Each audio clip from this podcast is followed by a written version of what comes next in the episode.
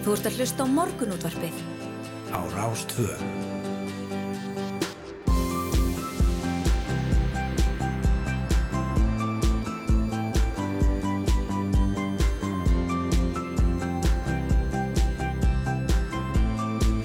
Morgunútvarpið Á Rástvö. Jú, góðan og blessaðan daginn. Hér tekur morgunúttarpið að stað, Snæra Sindardóttir og Hulda Gerstóttir með ykkur til hlugan nýju, þriðu daginn 17. mæ. Já, vá, hvað tíminn líður eitthvað hratt og, og það var allt í hennu bara sumar í gær. Já, loksins. Ha, það bara 16 steg að hiti og sól og það bara allir að missa sig. Já, algjörlega. Það var alveg frábært viður að minnst eitthvað hér á höfuborgarsveðinu í gær og, og nei, rundar var það við að skværum landið held ég bara. Já, Eh, Svona að misjöfnum tímum sólurhengsins þá. við viljum fá meira svona Algjörlega, algjörlega. það. Spennt fyrir þessu. En við ætlum ekki að tala um veðrið í þættinum í dag. Við ætlum að uh, já, ræða eitt og annað. Meðal annars það að aðeins 35% stúlkna í framhaldsskóla hér á landi meti andlega heilsu sína góða. Það er verið að segja bara neyta tölvöld meira áfengiseldur en drengir. Þetta eru niðurstur nýrar samantæktar sem rannsóknir og greining gerðu og á að beina sjónum að líðan ungmenna í heimsfaraldrinu.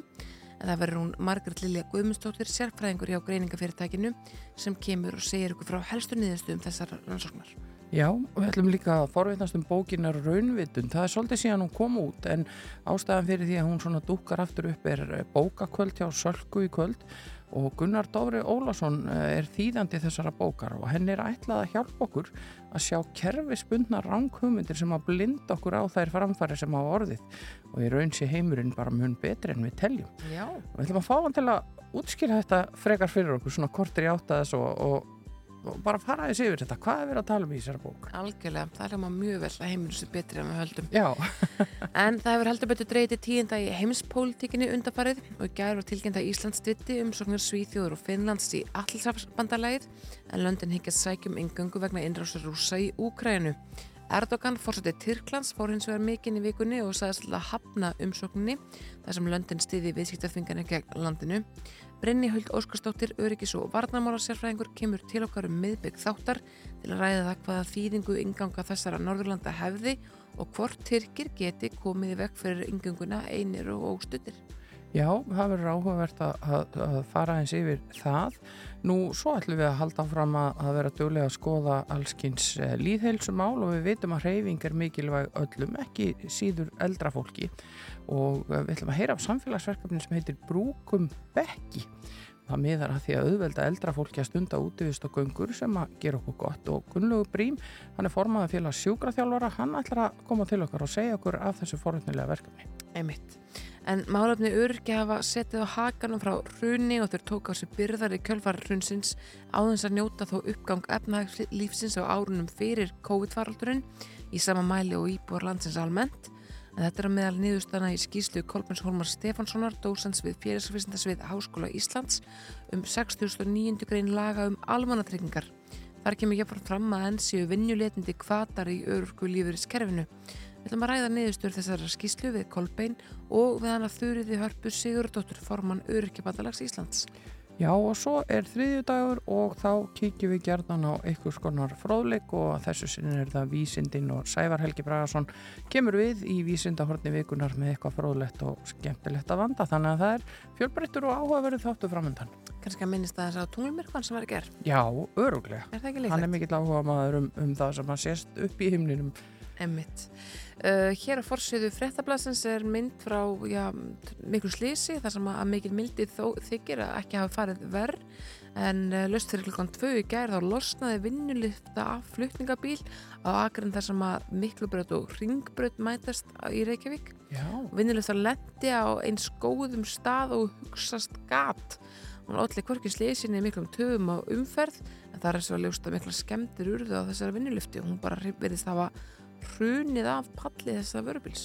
Vá, Já, það er mikil hefni að, að ekki varð neitt þar fyrir. nei mitt, þetta er hérna, já, þetta er hérna aðrennin niður af bústæðveginum og að hringbrödd. Já, já, já. Ú, að, hérna hér. En uh, á fórsviðu mokkans er uh, mynd af uh, Malbyggs lagningu á Reykjavíkuflugulli og svo verður að tala hér um uh, fyrirtæki ferðarþjónustur sem að mæta áskorunum við ráðningar í sumar. Það kef, kefst um fólki sem er að lausu. Og síðan uh, frétt hér úr borgarpolitíkinni um meiri hlutar reyfingar og segir hér einar talar við alla flokka og segist, op, segist uh, nálgast meiri hluta myndur með opnum huga.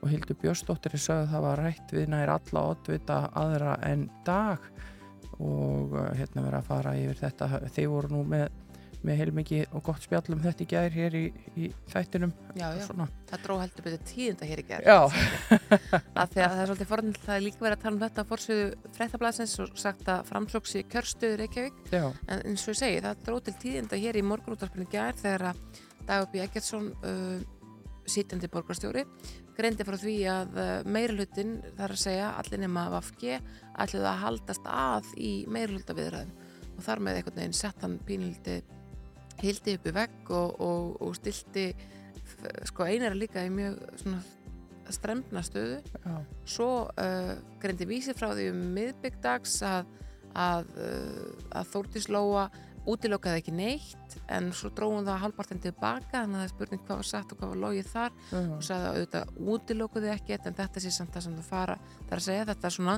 bandalag þau fari inn í það fyrst um sinn. Um, Einar hann, það var haft eftir honum eitthvað líka og vísi að hann ætlaði er sjálfsögðu ekki að undirgangast stefnu samfélgarinnar þetta er eitthvað neginn, úf, þetta, já Þetta- ég, ég feina, ég þarf ekki að finna út úr þessu. Ég er algjörlega saman á því þetta var orðið ansi hátt flækistu í ger en vonandi að þau getur sest niður og bara einhvern veginn landa þessu svona já, nokkuð í frið og ró. Ég held að ráðhúsið hafi þurfa á því. Já og það eru auðvitað líka víðar um land sem að, að þarf að, að, ná saman og, og, og mynda me, meiri hluta. Já, og við fylgjumst auðvitað með þessu áfram næstu daga. Uh, það er ímislegt fleira í blöðunum. Hér í morgunblæðin á síðu 2 segir frá því að heilbriðisar á þeirra segist vongóður um að takast muni að vinna á byðlistum eftir svo nefndum valkvæðum aðgerðum og ná samningum þar sem starfsfólk í heilbriðisþjónustu verði nýtt sem best. Og hann segir hérna ég held að við getum nýtt alla aðila í kerfinu með miklu skilverkari hætt en nú er gert og það er gott samtali gangi á milli ráðuneytis enga aðila sjúkrahúsana og sjúkratrygginga um það hvaða leið er best til að ná því marki og, og hann, uh, þetta er sér viðbröð hans við fyrirspurn Hildar Sverrisdóttur, þingmanns sjálfstæðisflokksins sem að var að spyrja hvort hann ætlaði að beita sig fyrir því að þetta er því farið í að vinna upp þennan byggtíma. Emitt. Aðeins meira af sveitirstundakostningum því hér á síðu 2 í fréttablaðinu er talað við Brynjólf Ingvarsson sem er uh, 81 árs og var að hljóta kjör í bæjarstjórn Akureyrar, sem skellast ekki. Uh, Ólafur Þótt Harðarsson stjórnmálfræðbrósur man ekki fljótu bragði eftir neinum sem er eldri en Brynjólfur uh, þar að segja uh, hérna sem hefur verið kjörinn. Mm. en framgangur eldriborgara í sveitarstundakostningunum náði hæstu hæðum síðustu helgi samkvæmt þessari frétt þar sem að Brynjólfur, áður nefndu Brynjólfur hlaut glæsild kjör uh, sem bæja fulltrúi fyrir flokk fólksins.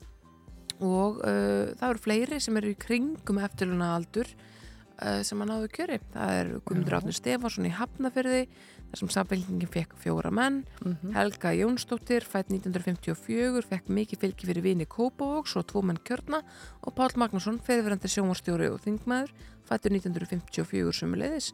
Hann treysti stóður meirlutans í eigum. Já, það er ímislegt að, að frétta. Nú hér í mokkanum er líka talið um það, að, talað um að það hefur orðið 153 andláta völdum COVID-19 samkvæmt yfirferð dánarvottorða hjá embætti landlæknis. Þetta er sér sett frá upphafi faraldurs til 1. apríl á þessu ári. Mm. Við erum svo einhvern veginn fljóta að gleyma, nú er enginn að hugsa um COVID lengur en, en við vorum bara þarna í, í kvirvulbil í langan tíma Já, já, og margir sem, sem syrkja og, og sakna eftir það já, í miður. það því miður.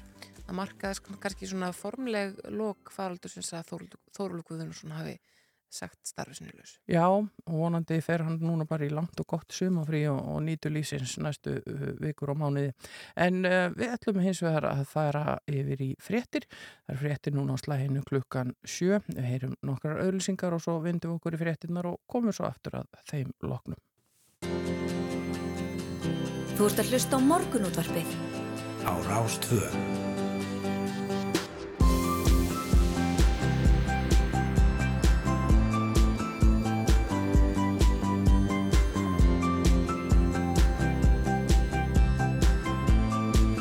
Morgunútvarpið á Rástvöð. Rástfö. Áframhaldum við hér í morgun útvarpinu Hulda Geistóttir og Snæri og Sindradóttir búin að hilsa ykkur og bjóða góðan dag og eh, framundan er fjölbreyttur og skemmtilegu þáttur þar sem við höfum að tala um alls konar. Já, heldur Petur, við ætlum að ræða líðan, um, líðan krakka í framhaldsskóla, við ætlum að fara hans yfir heimspólitíkin á NATO, menni Brynju Huld, við ætlum að ræða já, um kerfisbundar ránkumundir okkar sem blind okkur á þar framfæri sem hafa orðið undanfærin ár bara í heiminum, lífið er bara miklu betra núna heldur en það var áður, mm við ætlum að ræða málefni öryrkja og svo ætlum við að tala um reyfingu fyrir, uh, já, sérstaklega eldra fólk. Já, og uh, við ætlum að uh, líka kíkja eins til veðurs, við vorum að tala hérna eins áðan um hvaða var frábær dagur í gær og, og, og maður sá bara hvað fólk nýtur sín þegar Mhm. veðrið er gott, það er svo dásamlega eitthvað neginn hressandi en það verður skíjaðra enn í gær í dag. Það verður rigning suð austan til og jafnvel getur komið nokkri drópar um landið suð vestanvert eftir hátegi og fram á kvöld. Það verður að öllum líkindum þess valdandi að við munum ekki sjá sömu hitatölur og við fengum í gær en all nokkra stöðvar munu þó fara yfir 15 stegin og um miðjan mæ þykir það bara ansi gott, segir hér í hugleðingu veðurfræðings. Og svo morgun miðugudag er enn meiri bleita á leiðinni en suðvestan til á landinu verður þurft fram yfir hádegi og horfur á úrkoma af þar verði minni en viðast hvar annar staðar og líklega í skúraformi og það veldur því að hæstu hitatölur verða þá í kringum 13-15 gráður en fremur svalt fyrir norðan og austan. Þannig að þetta lítur svona út. Það er sérstaklega austlæg átt í dag 3-10 metrar á sekundu en 10-18 síðst og rigning með köplum sunna til á landinu en þurft að kalla fyrir norðan og hitin á bylnu 8-17 stíg svalara austast ég ætla að finna þessi 17 stíg ég vona þau verði eitthvað nálat mér Algjörlega, algjörlega. Uh, hér, eh, sko, vefur vegagerðarnar berðis merki að sumarið hafi komið í gær. já, Það er reyðhjóla keppni sem fer fram á Krísuvíku vegi í dag uh, á milli uh, 7 og 8 í kvöld þar segja. Mhm. Uh, og uh, svo hefur orðið vart við byggblæðingar í dölunum. Það er unnið að þvotti á dýrafæragöngunum, það er vorhenginning þar kannilega í gangi já, og slilda skemmtir á veginum á Svalbarsfrönd á Norðurlandi. En uh, að öðru leiti er bara þetta hefbundna reyndir á Austurlandi sem að, mhm. að allir vekkfærandur eru allan að svo sving bennir um að, að fara gætilega í kringum. Já, alltaf gaman að sjá þau en maður þarf að fara, fara valega þar sem að reyndir er á ferð. Uh, við ætlum að vinda okkur í fyrsta lagdagsins og uh, förum í hugulegheitin hér með uh, Június Meot og Káká sem syngja um skýja glópin. Þeir eru nokkri hann úti.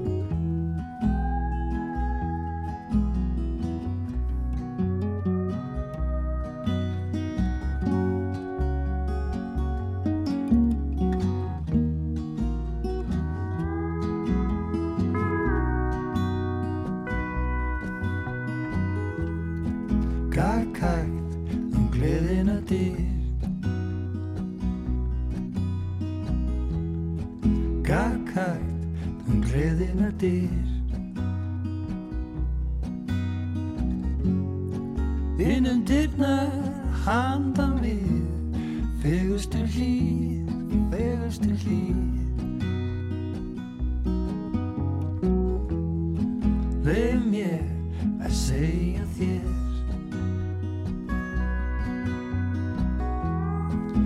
sem í anda yfir sérð Skýja glópur í mannabygg á hörunu býð umvafin dýrð Ég vona að þú heyrir kallið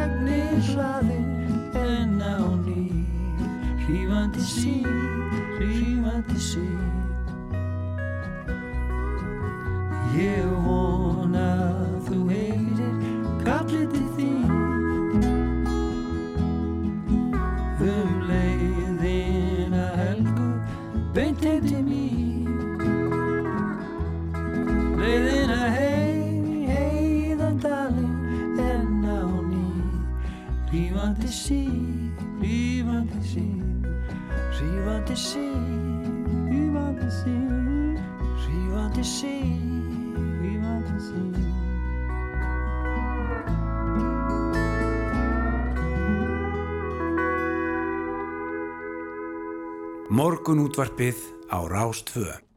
Já, hann sé ljúft með eh, Június Meivand og Káká og þetta segja það. og þetta segja það. En það er þjóðtíðadagur norðmanna, vina okkar í dag 17. mæ og norðmenn kunna nú aldeilis að halda upp á þjóðtíðadaginn. Það er uh, mikið, mikið gert úr því og uh, norðmenn er afskaplega duðlegir að til dæmis nota þjóðbúringin sinn og klæða þessu upp í hann já. og ég komst reyndar að því um daginn að því ég var í Nóri um daginn og, og það var eitthvað svona að vera að spjalla um þetta og þar komst ég að því að það er sko, það er ekkit bara svona einn búningur, það getur verið mismunandi típur fyrir mismunandi héröð og, og svona alls konar útfæslur að þessu. Mm, ekki svona eins og við erum með sko skautbúning og peysuföt og eitthvað Nei, þannig. þá er þetta er meira svona í, í, ef að ég skildi þetta rétt, svona í ætt við til dæmis eins og skosku kiltin, Já. pilsin, þar sem að hver ætt á sitt munstur og svona.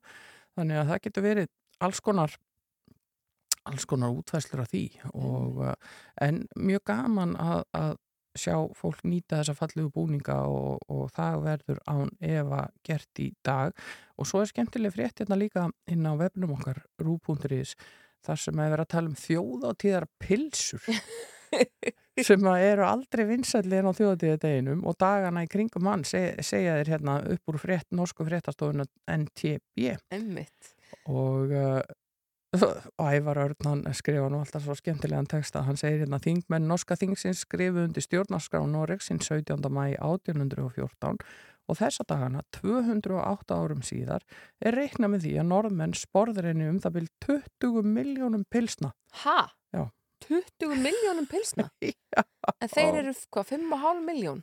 Já, Þannig að þetta eru fjóra pilsur á mann? já, það segir hérna sem sagt að verið sko 13 miljónir á þjóðutíðadaginn sjálfan og Ok. síðan er þetta dagan í kring og þetta sé reiknað út sem ríflega 2,5 pilsa á hvert mannspann. Já.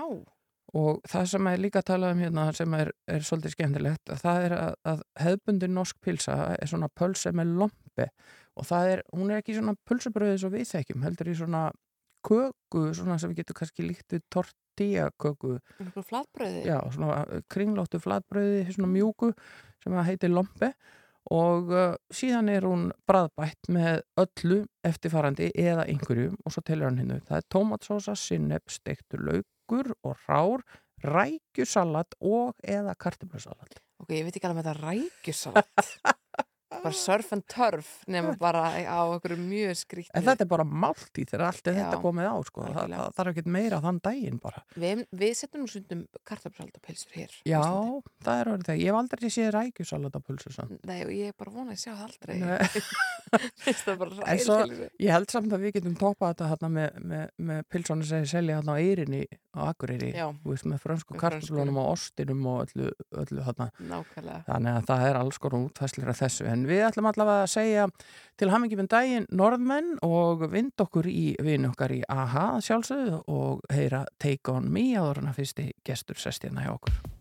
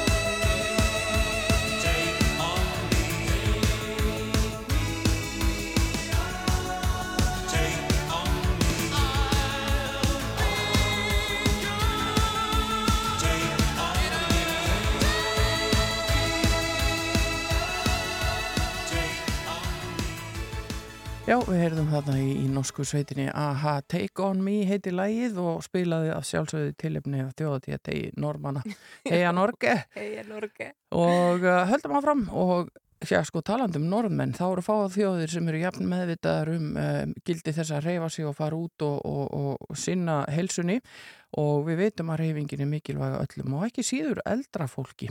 Og við ætlum að heyra hérna næst af uh, verkefni sem að heitir Brúkum Bekki. Þetta er samfélagsverkefni sem að miðar að því að auðvelda eldra fólki að stunda útivist og göngur og uh, sem gera okkur gott og hann er komin til okkar, hann Gunnlegu Brím, hann er formaði félags sjúkraþjálfara og ætlar að segja okkur meira af þessu, velkomin Já, takk fyrir það. uh, Brúkum Bekki, þetta er, þetta er svolítið sérstætt heiti, Hva, hvað er þarna bakvið? Heyriði, já, hei, heitið er sérstakt. Já. Ég veit svo sem ekki alveg hérna, hvernig það er til komið en, en það er mjög lýsandi fyrir verkefnið. Já. Og upprunlega þá semst hefst þetta sem samfélagsverkefni í tilöfni þess að félagsjúkurþárar sé 70 ára. En félagsjúkurþárar er í dag 82 ára. Já, En þetta er orðið 12 ára gammalt verkefni sem hefur kannski ekkit alltaf flóið mjög hátt. nei, En hefur þó að verið svona í, hefur verið í gangi í alla þannig tíma, svona eftir, eftir svona mjög söflut eftir svæðu. Og þegar að sér sagt hérna við unum 70 ára þá sérst hóðu þetta verkefni í samstarfi við félög eldri borgara, já, upprunulega.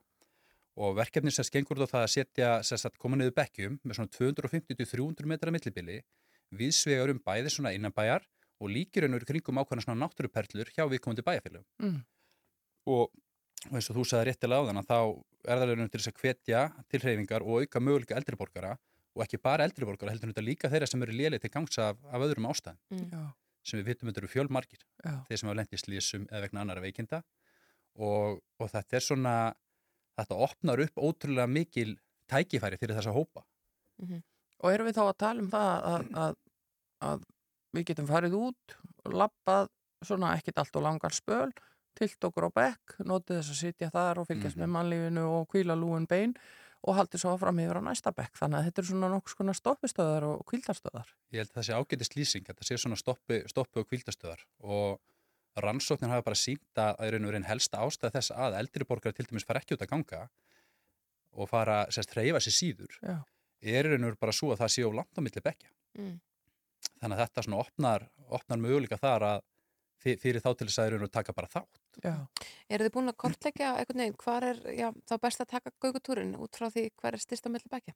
sko, verkefni í raun og raun er svolítið unni svona svæðisbundið Mm. í raun og raun með, með viðkomandi sveitleifilagi eða, eða viðkomandi sérst félagi eldriborgar á viðkomandi svæði og, og hérna til dæmis er svo núna og kannski það er kannski ástæðan að hverju við vildum, vildum svona vekja sérstaklega aðtikla á þessu er að til dæmis núna nýverið eða bara í april þá vorum við í tíu nýju bekkir í krigum ástjöld í Hafnafyrði Mm. þar sem að, að var þetta með þess að sjúkraþólan stofa sem gaf bekkina, sjúkraþólan ásmegin Já. það sem hafa mjög vel og, og haf, er, svona, hvað segja, þeir sem hafa komið hjá ástjöld vita það að þetta er óbáslega fallet svæði mikið fugla líf og svo leiðis og það er þetta bara algjörlega frábært að geta opnað þetta svæði fyrir, fyrir fleiri einstaklingum og fleiri Já. fólki já. Er, sko við heyrum svo oft af því hvað það skiptir miklu máli bara að fara út að ganga. Já. Það þarf ekki alltaf að fara í á okkur að massa æfingu eða reyna rosalega mikið á sig eða fara upp á fjall. Það er Mhm. bara það að fara út og ganga í svolítið stund hafi mjög uh, góð áhrif. Er það líka í svona stuttum bútum? Ég meina skiptir þetta máli? þetta skiptir allt máli og þessi stuttu bútar fyrir þennan, þess, þennan hóp Já. er kannski svo fyrir okkur að, að, að ganga upp á esju. Þannig að þau geta gengið sína 250-300 metra til sér aðeins, alveg svo við myndum ganga í raun og eitthvað áleiðis upp esju og, og hingra aðeins. Þannig að þó að veguleitarna séu aðrar og kannski það sem er ekki síst sko mikilvægt í þessu er að hvað sé þetta svona að þegar fólk fær möguleika til að hrefa sig Mm að þá ertu líka að styrkja færni og þú ertu að auka möguleika fólks að vera lengur heima og vera sjálfstætt lengur og ég held að það sé svona verkefni sem að við séum öll sammál um að sé mjög mikilvægt í þjóðfélagi dagsins. Já. En hver með við búast við sko af þeirri kynslu sem að kannski verður uh, eldriborgar eftir 20, 30 og jafnvel 40 ár þegar kemur að svona líkamlega atgerði. Mar, maður sér þetta oft með fólk sem er gamalt í dag, maður hugsa að þau séu slitin, mikil vinna, mikil vinna og harka og meðan að hér er, þess að hjá yngra fólki í dag er kannski meiri kyrsetaði vinnu en jafnvel meiri líkamsrætt að móti við að lifta þungu og svo framvegis. Svo hvernig heldum við að einhvern veginn að þessi kynsla sem er að vaks og græsi núna og gott betur en það muni eldast Það er skemmtileg spurning sko. Er, er ekki umræðan okkar alltaf þannig að þeir sem koma eftir þessu einhvern veginn svona aðeins í verri málum heldur þeir sem voru undan? Er svona, jú, gætni er umræðan þannig. Já, en, en ég held að ég held að við séum á ágætisleið. Ég held að fólk sé miklu meðvitar í dag. Ég held að álagsstjórnun sé meiri en, en á sama tíma er kannski bara með breyttu samfélagi eru líka aðrar áskoranir og, og ég held að svona hvað er stóru myndinni og ég vona það að þá eru við alltaf að vinna okkur í, í betri átt. Mhm. Já. Þannig ég er ekkert mjög kvíðinn en hins vegar eru kannski verkefni, svo, verkefni það að hérna að fólki hressara lengur Já. og við gerum þetta bara kröfu á það að, að, að hérna að við getum verið þáttakjötur lengur og við viljum geta notið lífsins og, og haft meiri lífsgæðu og svoleiðis og, og við þurfum einfallega bara aðlaga okkur að því líka sem samfélag. Einmitt. Mæta þeim svolítið þar. En svona að fara út að ganga, uh, hvaða þætti hefur þetta áhrif á? Uh, uh, þetta hef, það er væntanlega ykkur líkam styrkur og, en, en hvað með jafnvægi og fleira? Ég raun og veru á allt saman þarna. Þetta, sko, kannski fyrsta sem maður hugsa er nú kannski áhrifin á, á hjarta-æðakerfi sem er raun og bara þólþjálfun. Mm -hmm. Þetta heilmikið jafnvæðistjálfun á ganga og tölum ekki um þú ert komin kannski á, á flöt sem er ekki alveg sléttur, bara saman bara þessu ástjöld sem Mhm. þetta eru mala stígur og svo leiðis. Um, styrkur er alltaf, alltaf einn hlutin að því og reyndar eru þau svolítið hannaðir eins og bekkinni sem að voru hérna uppi ástjörn núna. Ég kíkti á það um dagina að þeir eru hannaðir þannig að þú getur Þannig, og, og raun og veru gerir þannig að þú getur teikt á þeim og það getur gert alls konar kunstir. Þannig að allt, er, allt hefur eitthvað smá, smá pæling á baka sig. Og svo má ekki gleyma andlega hlutanum þó það sé kannski ekki eitthvað sem því sjúkraþjálfarar eru mikið að sinna en samt, því spjallir nú við mann á bekknum og það getur oft verið gott að það er svona eins og smá sálfræði tími stundum Já, já. en það er alltaf þessi, þessi það er eitthvað við það að vera úti að reyfa sig það er Já. gott að reyfa sig inni, ég segi það ekki en, en það er eitthvað svona, það kemur eitthvað aðeins meira þegar maður er úti Já, og mér er svolítið gaman að þú nefndir aðan sko með þetta við séum, hvað séum núna ekki sé kynnslun kannski dugleiri við að taka þátt í æfingum sko. Já, kannski svona meiri markvist líkastálun og sérstaklega fyrir konur Mhm. meiri verið að lifta þungu sem að var ekki þetta fyrir ein- bara skömmu síðan sko. Algjörlega, algjörlega. Uh, en mér er svolítið, svolítið gaman þetta sem er sko hreyfingu og svona menningu var þetta hreyfingu. Já, Þess að ég hugsa stundum að við Íslendingar, einmitt, ég hugsa að við séum rosalega framalega þegar kemur að því að fara á æfingar. Mhm. Og svo nefndur um normennina hérna í upphaf, upphaf innslagsins og, og ég held að svona að einhverju leiti eins, eins dugli og, og við erum að fara á æfingar að þá erum við ekki alveg kannski búin að innvinkla, við erum ekki komin alveg jafn langt í því að innvinkla í raun og hreyfingu inn í svona daglegt líf. nei, að hún þurfi ekki alltaf að vera í raun og veru í, í mikl, mikill ákveð eða miklum, miklum hamagangi. mhm. Já. En er svo ekki liðleikin, er það ekki líkilatrið að baka það að vera ekki að meiðast svona á gammalsaldri? Liðileika skiptir alltaf máli, Já, það er ekki spurning og, og auðvitað er það kannski líka bara ákveðin fylgifiskur þess að eldast að maður þurfi að aðeins að vinna á móti einmitt svona ákveðinu styrleikabreitingum og minkun og vöðva styrk sem er eðlilegt þegar maður eldist en Já. maður getur unnið, unnið gegn því með markveðsum hætti. Já. En hvað er þetta að fylgjast með þessu verkefni, brúkum bekki og, og sjá, uh, er þetta að sjá eitthvað staðar á einum stað, hvar þetta er í bóði og, og, og, og hvernig þetta virkar? Heyriði, sérst á heimasíð okkar hjá félagi sjúkraþálara, þar er, er flipi sem að, og, og, og svona frétt og samantættu um, um verkefnið, bæði hvernig það hófst.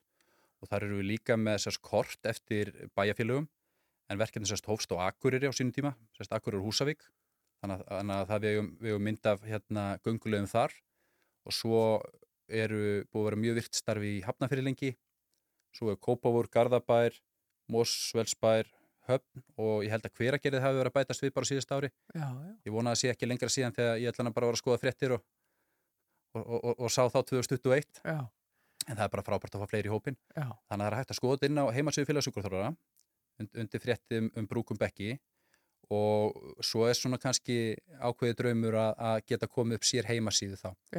En, en svona réttir sig komið að líka að verkefnið raun og er þannig að þetta er tækjafæri fyrir bæði fyrirtæki og einstaklingar sem gefur raun og veru bekkina. Já, og auðvitað hvetjum við bara fyrirtæki til að taka þátt í því því að þetta auðvitað bætir þeirra nærumhverfi gríðarlega mikið já, og þeir geta haft samband við okkur eða þá er raun og veru félag eldri borgara í þeim bæjarfélagum þar sem verkefnið er virt. bara sínu sveiði.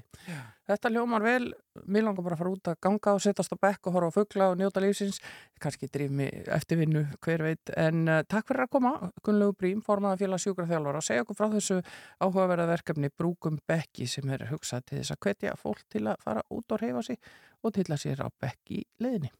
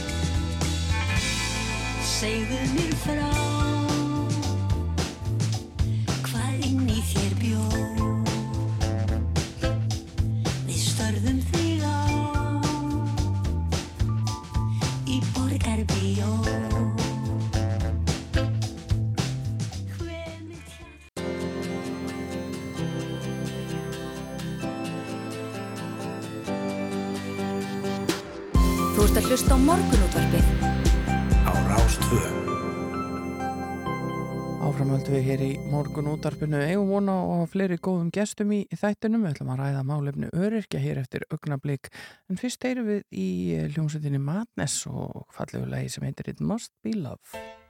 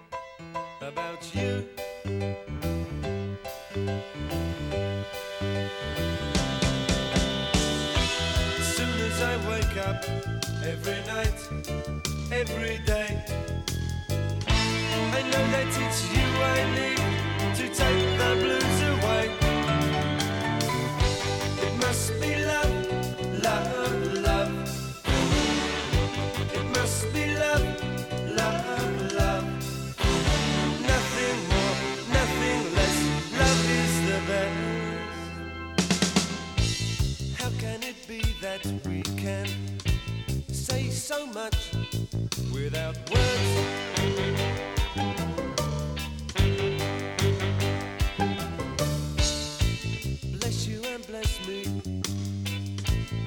The bees and the birds.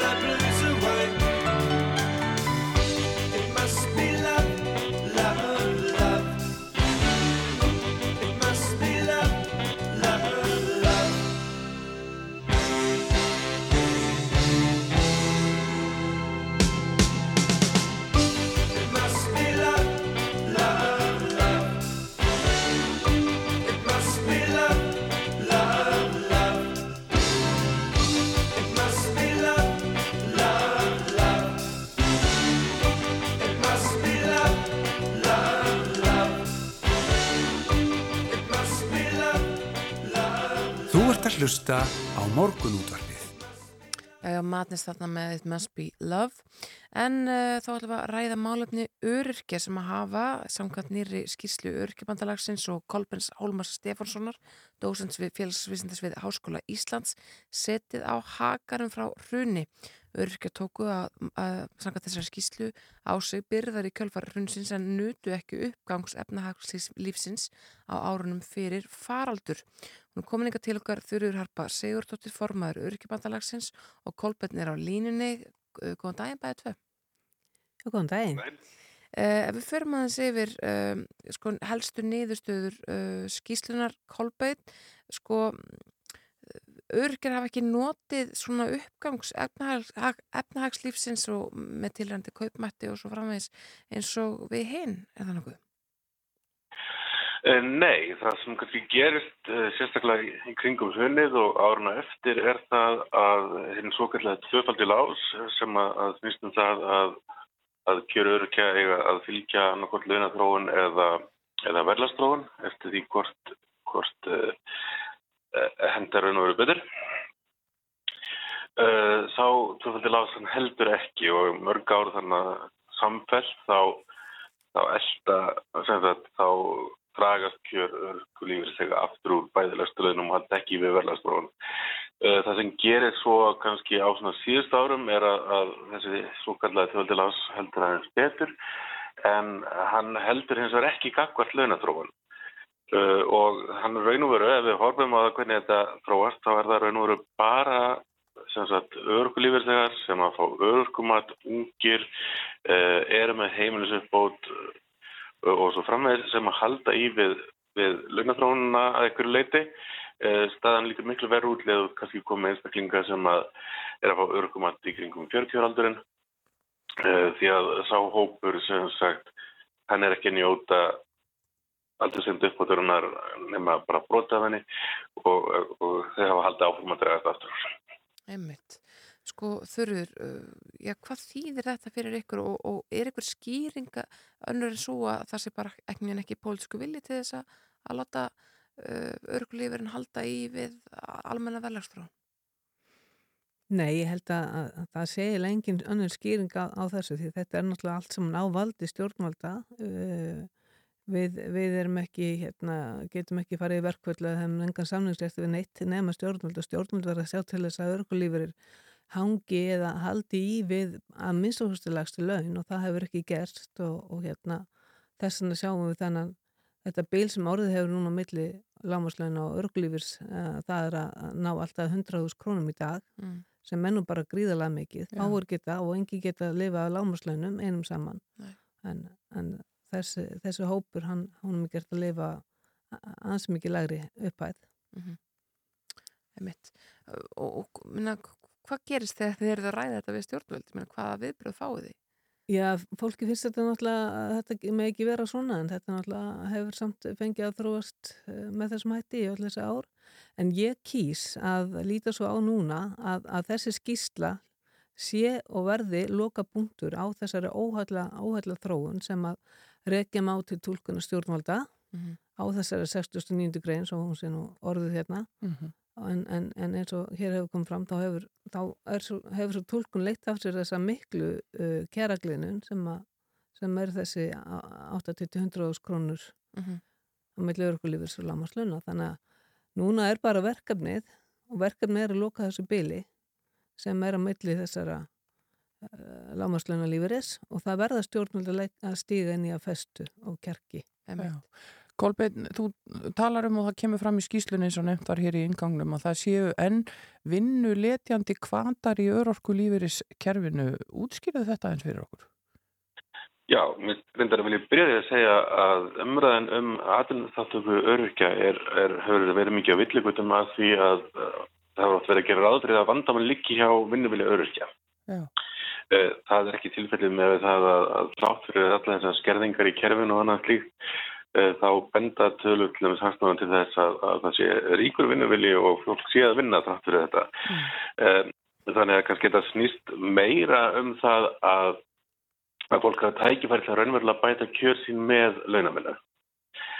Uh, og auðvitað er það þannig að, að því erfiðara sem það er að, að hafa einhvern ábært af launamilna því minni ástæðið fólk til að, að vinna yfir höfuð að það er bara svona félagskapurinn og, og, og þáttaka í, í, í umhverjum eða samfélaginu.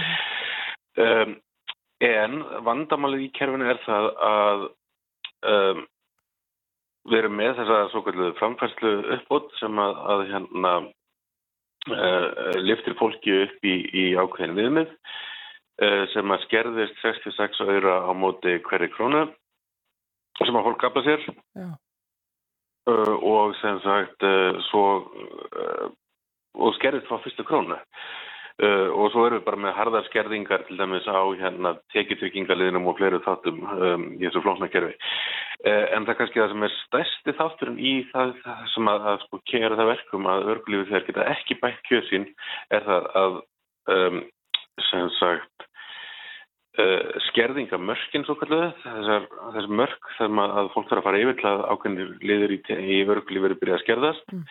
þeir hafa verið óbreyttir frá 2009 uh, hafa ekki fyllt til dæmis launatróun sem þýðir það að, að skerðingarna ristast dýbra og dýbra og það þarf óbúinlega lítið til þess uh, að fæta þig vinnu til þess að, að þau bara finnilega fara að, að missa tekjur.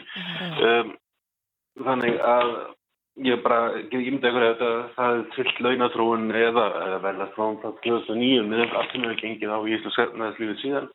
Uh, í dag er þetta þannig að, að þetta eru bara þú þarft ekki að ná lámasveinum til þess að, að, byrja að, að skerðast eða neitt slíkt og þetta verður sífælt dýpra og dýpra þannig að, möguleikar örglífur þegar á því að, að bæta lífskjörsinu með því að vinna þau, þau eru bara orðin mjög, mjög tæmaks. Þurur, hvað ætlaði þið að gera með þessa skýslu? Hvað er markmið með henni?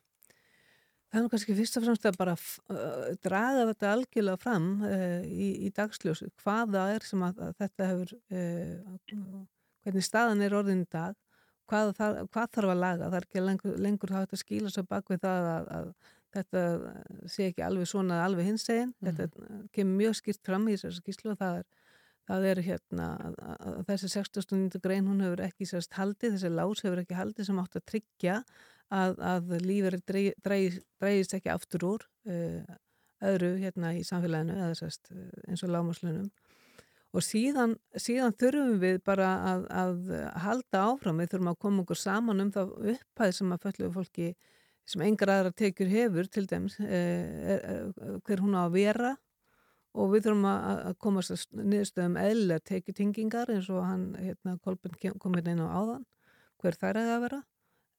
Þannig að þetta er svona, og við þurfum að spyrja okkur að því hvort það, það sé sangjant að, að falla fólk uh, sé til lífstíðar með greiðslur, uh, samsvarandi lámaslaunum eða hvort að falla fólk að hafa uh, herri, herri laun. Mm.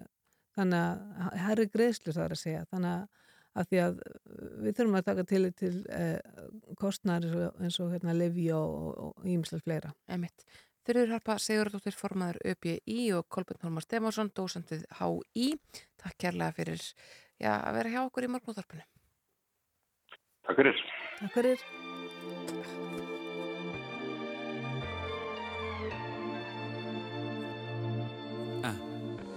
Þetta er og svo fallegum morgun Vildi fagna í morgun svo ég flagga í morgun. Og ég, ég dró hann upp, Já, alveg upp að húni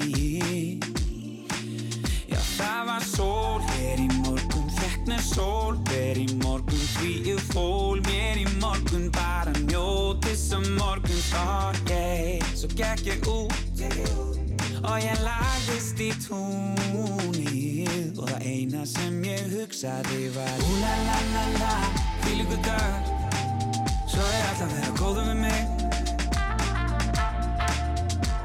Maður gleymið því alltaf á að vera gladur Stafra við og vera góður við sig. Tilveran, hún tekur á Sem ég má til með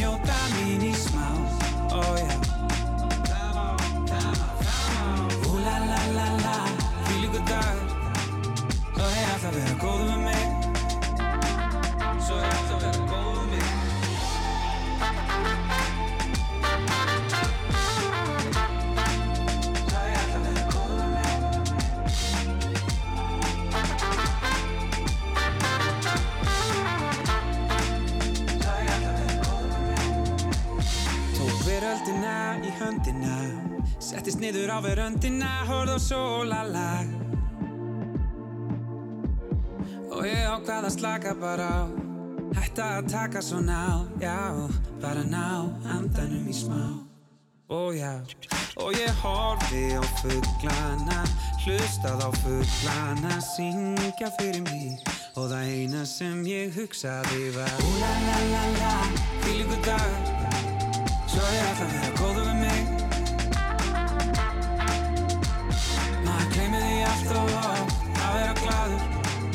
Stafra við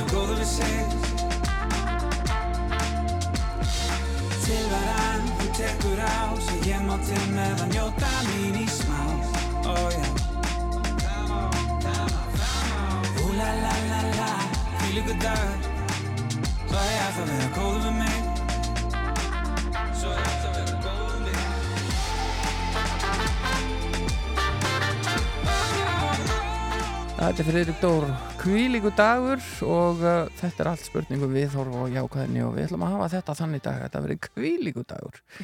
Næsti gestur mættur í hús og uh, við ætlum að forvittnast hérna um uh, já, bók og bækur og meðal annars bókina Raunvitund sem að Gunnar Dófri Ólásson þýtti og kom út fyrir nokkru síðan og henni er ætlað að hjálpa okkur að sjá kerfispundnar ranghugmyndir sem blind okkur á þær framfæri sem orðið hafa undanfærin ár áratugi og árhundru, þetta er engin smá frasi. Einmitt.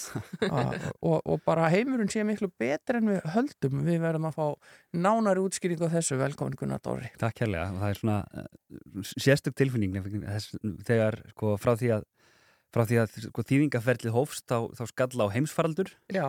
þannig að það, það að vera að tala um sko, það hvað heimurinn er sko, mann langar eiginlega að segja skárri. Íslenskan á svo falleg orð til að segja sko, eitthvað sem minna slæmt.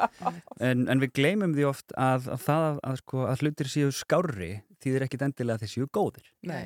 En, en það er svona kannski, kannski stóri, stóri punkturinn í þessu að, að við gleymum því oft hvaða hefur rosalega margt jákvætt gerst einmitt ekki síðustu tvö eða þrjú ár þau hafa verið ömurleg og þau hafa í rauninni snúið við þessu sko, Já, og þessum, öllum þessum trendum vegna þess að innleggið og, eða uppleggið í þessum, þessum gögnum, þessum, þessari bók og þessum, þessari frásögn er að svona frá, frá því að við svona fórum almennilega að sapna einhverjum gögnum ef við horfum bara til ársins 1850 Já.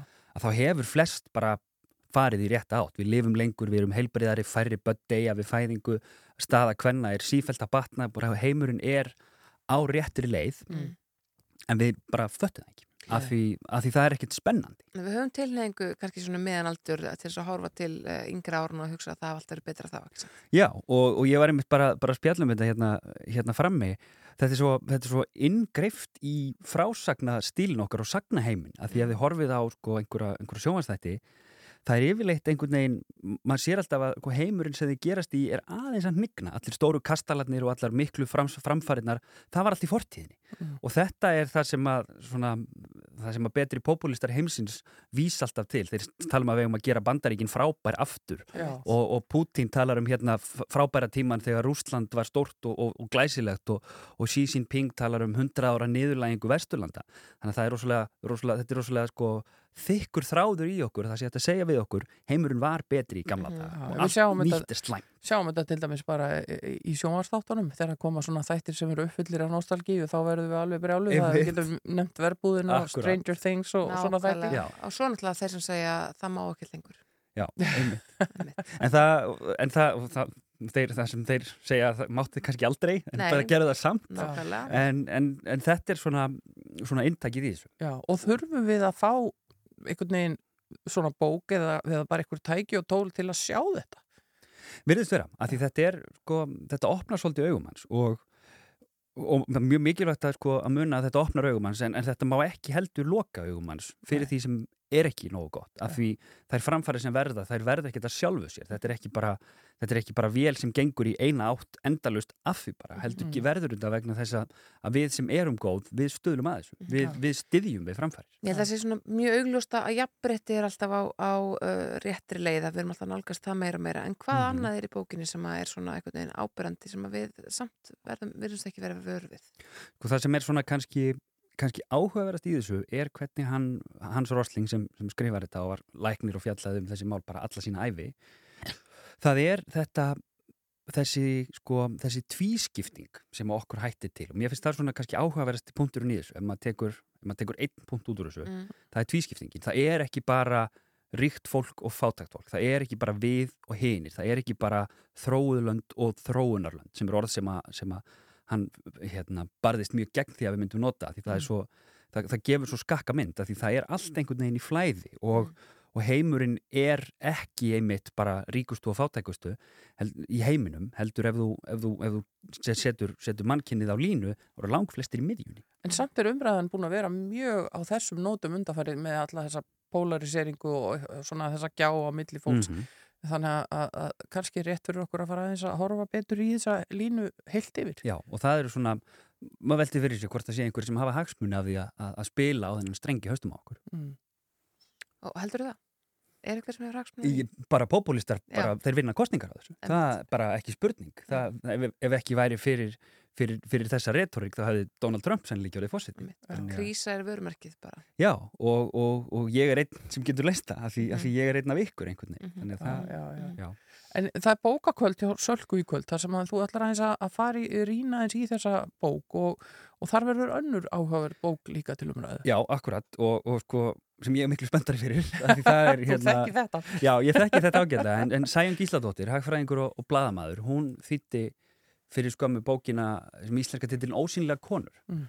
og, og það er annað svona, svona, svona blindur blettur sem, a, sem að hún er að varpa ljósa eða sem varpaði ljósa í þeirri bók og ég, það, þú hafi miklu, miklu meiri þekking á henni en ég hérna en Ég þekki þessu bók ágætlega, jú. Já, en, en þar er svona, svona intakið er að heimurinn sem við búum í er hannaði fyrir kalla. Já. Að, að sko konur eru helmingi líkleri, helmingi líkleri til að deyja í bílslýsum eða slasast alvarlega í bílslýsum að því Mhm. bara örgisbúnaður í bílum er hannaði fyrir kalla. Mhm. Andlitsgrímur eru hannaðar fyrir kalla. Meðalhiti í þessu herbergi, hann er hannaði fyrir mig en ekki ykkur. Mhm. Vegna þess að það er bara, þess vegna er konum alltaf kallt. Já, eða alltaf heitt, það fyrir eftir Já. á hvað aldrei maður er. Nei, það var reynda mjög forunlegt í þeirri hérna bók þar sem við talaðum um eh, sænst dæmi þar sem að, þar sem að uh, það var ákveð að breyta sko forgangsöðun í snjóruðningi. Já. Þegar konur gengu með börnin í uh, skóla Akkúrat. eða leikskóla og í Svíþjóðekstar og þar var hérna, þar voru stoppbrautir alltaf ruttar fyrst Já. fyrir bíla Já. Uh, og hálkuslýs voru bara í hæstu hæðum af því Mhm. að þetta var ekstra Svíþjóð og þar voru hérna Já, bara konur í unnvörpum að lenda á slísavarstofunni af því að forgangsröðinu var svona. Akkurat. Þessu var breytt, umferðsleisunum fjölgaði ekkert, Akkurat. en, en hálkuslísunum fækkaði og þar afleðandi tilhærandi kostnaði fyrir samfélagið og auðvitað bara velja hann hvenna. Og þetta var einmitt tekið sem dæmi sko, í, ef ég mann rétt í stjórnmálaumræðu í Svíþjóð Já. um það þegar, þegar Kallin kom og sagði hérna býtu, eigum við nú að fara að horfa á snjóruðning Með Nákvæmlega. og það bara, já Algjörlega. það kom í ljósa bara þess þurfti Algjörlega, algjörlega, mjög forðalegt. Uh, þið eru að fara að kynna þetta á bókvöldi. Já, við erum hjá Sölku sem er nýlega opnuð bókabóð við, hverfisgötu númer 89 þetta er þarna það sem það sem 10.11 var á Æslandir núna Já. á móti góða hyrðinum er á hverfisgötu. Þar verðum við klukkan 8 í kvöld. Það er skráning á, á Facebook og með okkur verður Hjálmar Gíslason sem er svona gagna séni Íslands Já. og fannakvöldastjóri Datamarket og, og frumkvöðull og, og vinur Óla Rosling sem er svonur hans Rosling, þannig að hann á, hann á nú svolítið þræði í því að súbók var þýtt Þannig að það er áhugavert kvöld framöndan fyrir fólk sem hefur gaman að því að- að grúska og, og spá og spuglera og, og, og þeir munu taka þarna brósandamóti öllum sem áhuga hafa. Takk fyrir að kíkja okkur og, og segja okkur frá þessu Gunnar Dóri Ólason og, og uh, fjalla um bókina Runnvitund meðal annars. Takk fyrir komuna. Takk fyrir. Við ætlum að vinda okkur hins vegar í Road to Hell, við vonum að við séum nú ekkert á leiðinni þangað þó að sífislegt sem við skoða betur. Og svo hér eftir áttafrétnar höldum við áfram og ætlum við að ræða yngöngu Finnlands og Svíþjóðar í NATO meðal annars.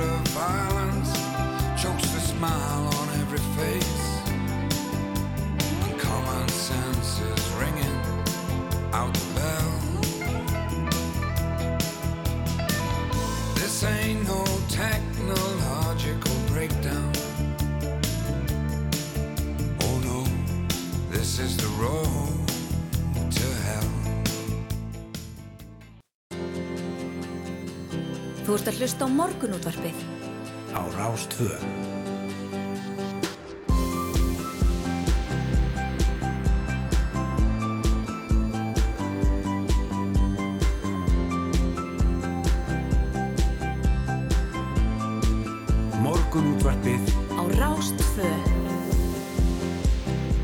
Já, setna hálfleikur hafinn hér í morgun útvarpinu, fréttir að baki klukkan átta og við ætlum að halda áfram að fá til okkar áhugavert fólk sem segir áhugaverðal hluti og eh, Sævar Helgi Bragason verður hjá okkur eh, svona kortir í nýju eða svo með eitthvað fróðlegt og skemmtilegt að vanda.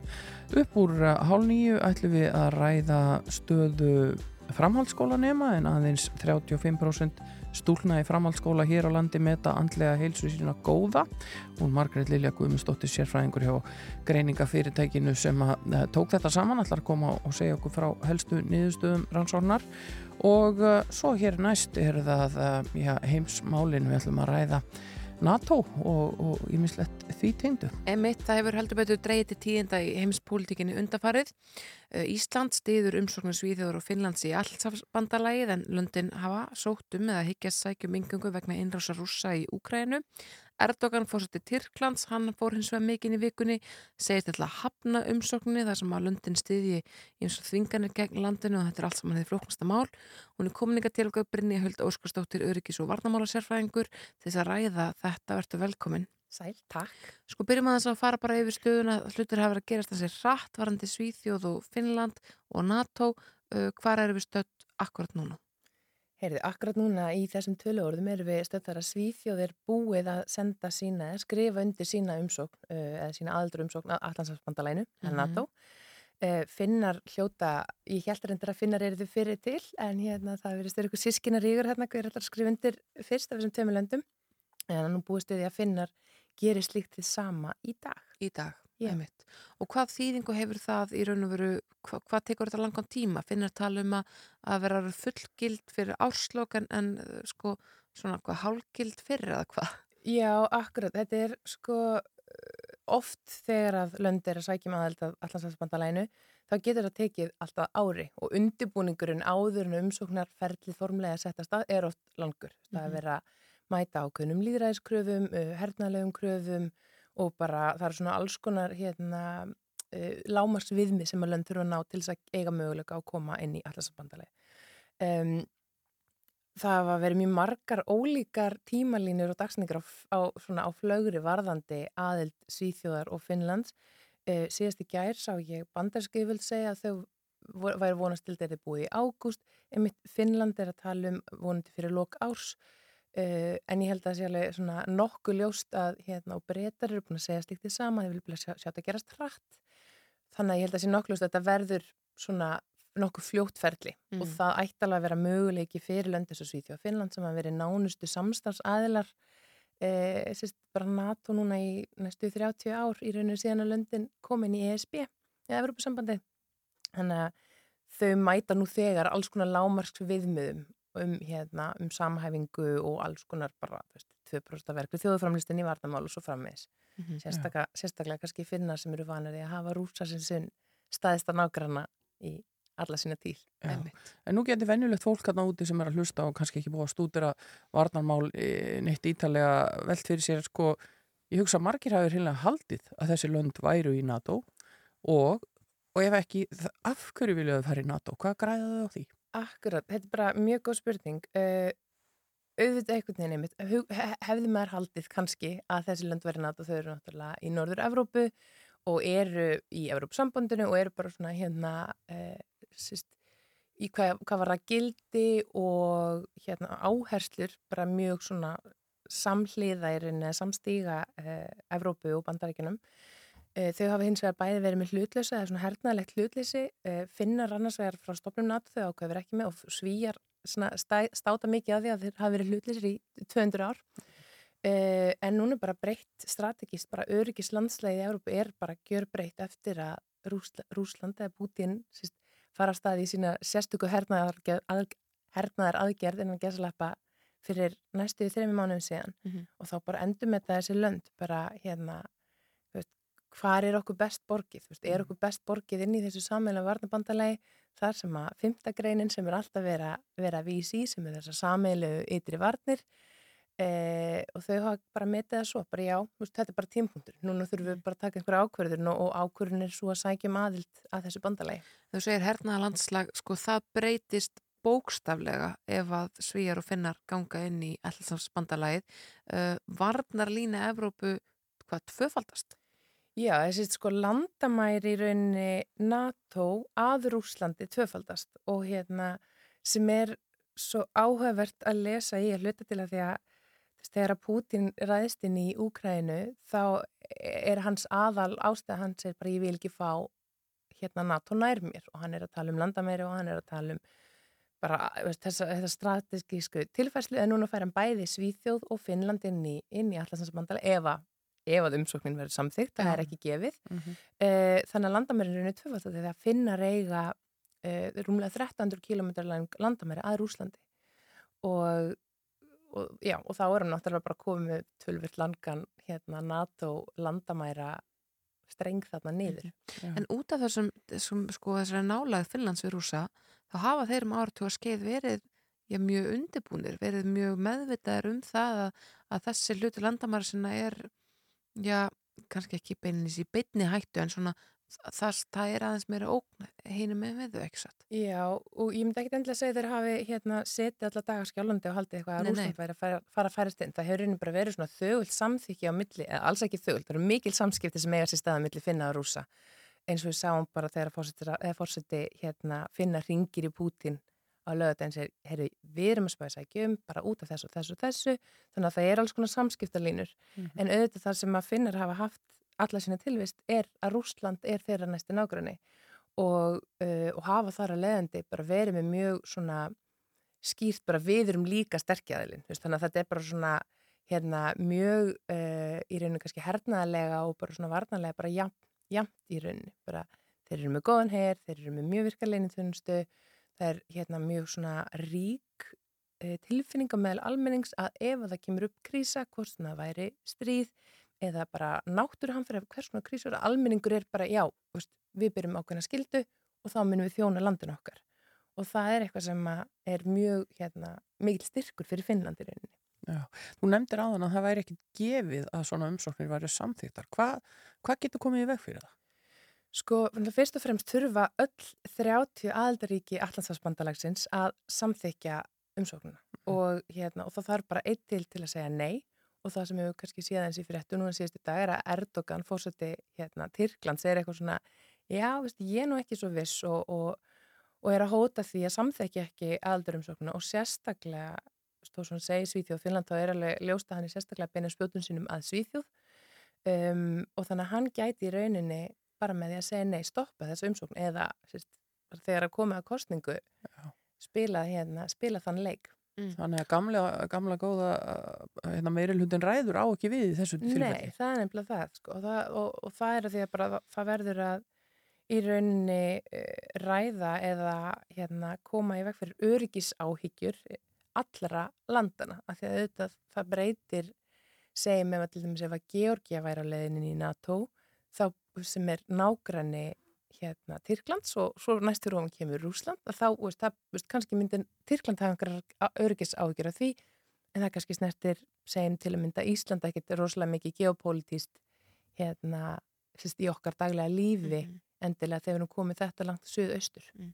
En ok, sko, við vitum það að Erdogan segist ekki ætla samþykja og það eru þetta bara stór orð og setur einhvern veginn allt í smá krísu uh, Svíjar og finnar að senda sína sko bara topp fólk til. Tyrklands til þess að ræða þetta mál algjör að eitthvað delegasjón hann sem að, að fær bara, já, hefur ymsar heimildir hvað gerist? Hvernig er þetta samtal og, og hvað hafa, hafa finnar og svíjar og NATO til þess að eitthvað, hvað getur þau fært Erdogan uh, þessum svona hálfpartin innræðisherra til þess að, að samþykja þessa umsókn eða, eða sko, er þetta einantóm orð eða ætlar hann að standa við þetta? Sko er náttúrulega, ég er ekki sérfræðingur í Tyrklandi Nei, sem slíku en hérna, og það er enginlega að vita nákvæmlega hvað hann gerir þegar hann kemur inn í kjörklefan eins og við þekkjum sjálf og fólk, fólk bara hérna, það ræði vill, vill kannski ekki endilega ráða við hendina sér. En þetta eru þetta bara samningaviðræður og þessi sendinemnd fyrir leðinu bæði frá Finnland og Svíð sem hann hefur reyndar sagt, hann Erdogan segir það er bara tilgangslust fyrir það að koma. Eh, ég er búin að gera upp hugminn eh, þau eru væntilega að fara að ræða alls konar geopolítisk mál eh, varðandi stöðu Tyrklands innan hérna, innan NATO, samskiptum við Európa-sambandi og svo náttúrulega það sem að hérna náttúrulega beina svona ljósun aftur að Svíþjóð er að sænsk utryggisstefna, ekki bara hefur hún verið svona hernaðlega hlutlaus innan gerðsalapa eða yfirlýst hlutlaus uh, í 200 ár, þá er hún líka þau standa fyrir mannréttindi, frelsi uh, og hérna kvennréttindi og bara fjölbreytileikan eins og hann leggur sig og þetta eru kannski hérna svona gildi sem að Erdogan hefur kannski ekki verið að berjast fyrir Já. og, og svo náttúrulega það sem þetta snýst rosalega líkið, mikið um það sjálfstæðisbarða kurda og það er mjög líklegt að þegar að, að sendinendin og, og hérna, fulltrúar í, í Tyrklandi fara að ræðast við þá gæti vel verið að það sé það sem að þetta snýst um. Kurdar eru sjálfstæðisbarðu rétt sunnan við Tyrkland eh, og Erdogan vil ekki sjá kurdan að fá sjálfstæði í sínu héræði. og munir þá svíð, svíjar segja ok, við skulum hérna uh, ekki styðja sástæðisbaratu kurda ef þú leifir okkur að koma inn í NATO Ég, ég myndi mér að svíum eigi eftir að reynast þetta hérna, flókið því að staðið mjög mikið með mannreitndum og talað þannig á alþjóða vettvangi og svíþjóður eitt af fáum löndum sem að stiður fyrsta legi kurda og bara hérna, verkefliðsflokk kurda eða hérna, PKK uh, og þannig að þetta er svona hérna, ég ímynda mig fyrir sænsku þjóðasáluna verði erfitt að, að gefa þetta eftir til þess að gangi NATO en svo er búið að senda af stað umsóknuna og svo kemur svona kannski smá bakslag í væntalega umræðina heima fyrir Mm. og líka bara í samtalið innan NATO. Þó svo ég ímynda mér að öll önnulönd mun ekki breyðast þess það er ólíklegt að nokkuð annar land enda skipt um skoðun nema kannski einhverjir nánir vinnir Erdogans, það geti fara að spilast eitthvað út þannig sem að vona náttúrulega kannski gerist ekki. Svíjan og finnana vegna. Mhm.